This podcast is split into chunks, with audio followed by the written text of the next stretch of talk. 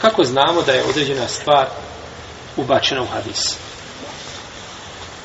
Taj hadis u kome ima dodatak, koji je čudan, uporedimo sa drugim verzijama tog hadisa ili sa lancima prenosilaca. Pa, na primjer, prenosi od Hamada ibn Zejda sedmerica prenosa.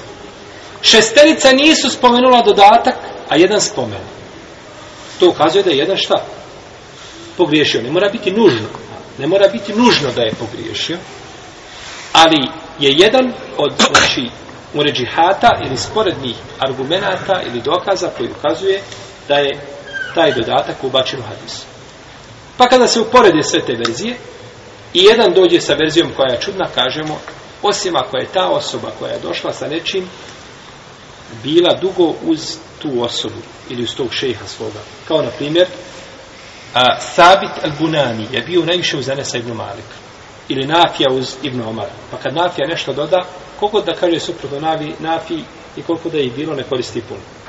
Jer je Nafija bio uz Ibn Omara i dan i noć. Nikad se od njega nije odvajao. I mogao je čuti od njega ono što drugi nisu šta čuli. I on je najpouzdaniji kada su pitanje njegovih hadisi, kao što je Alkam od Ibn Mesauda.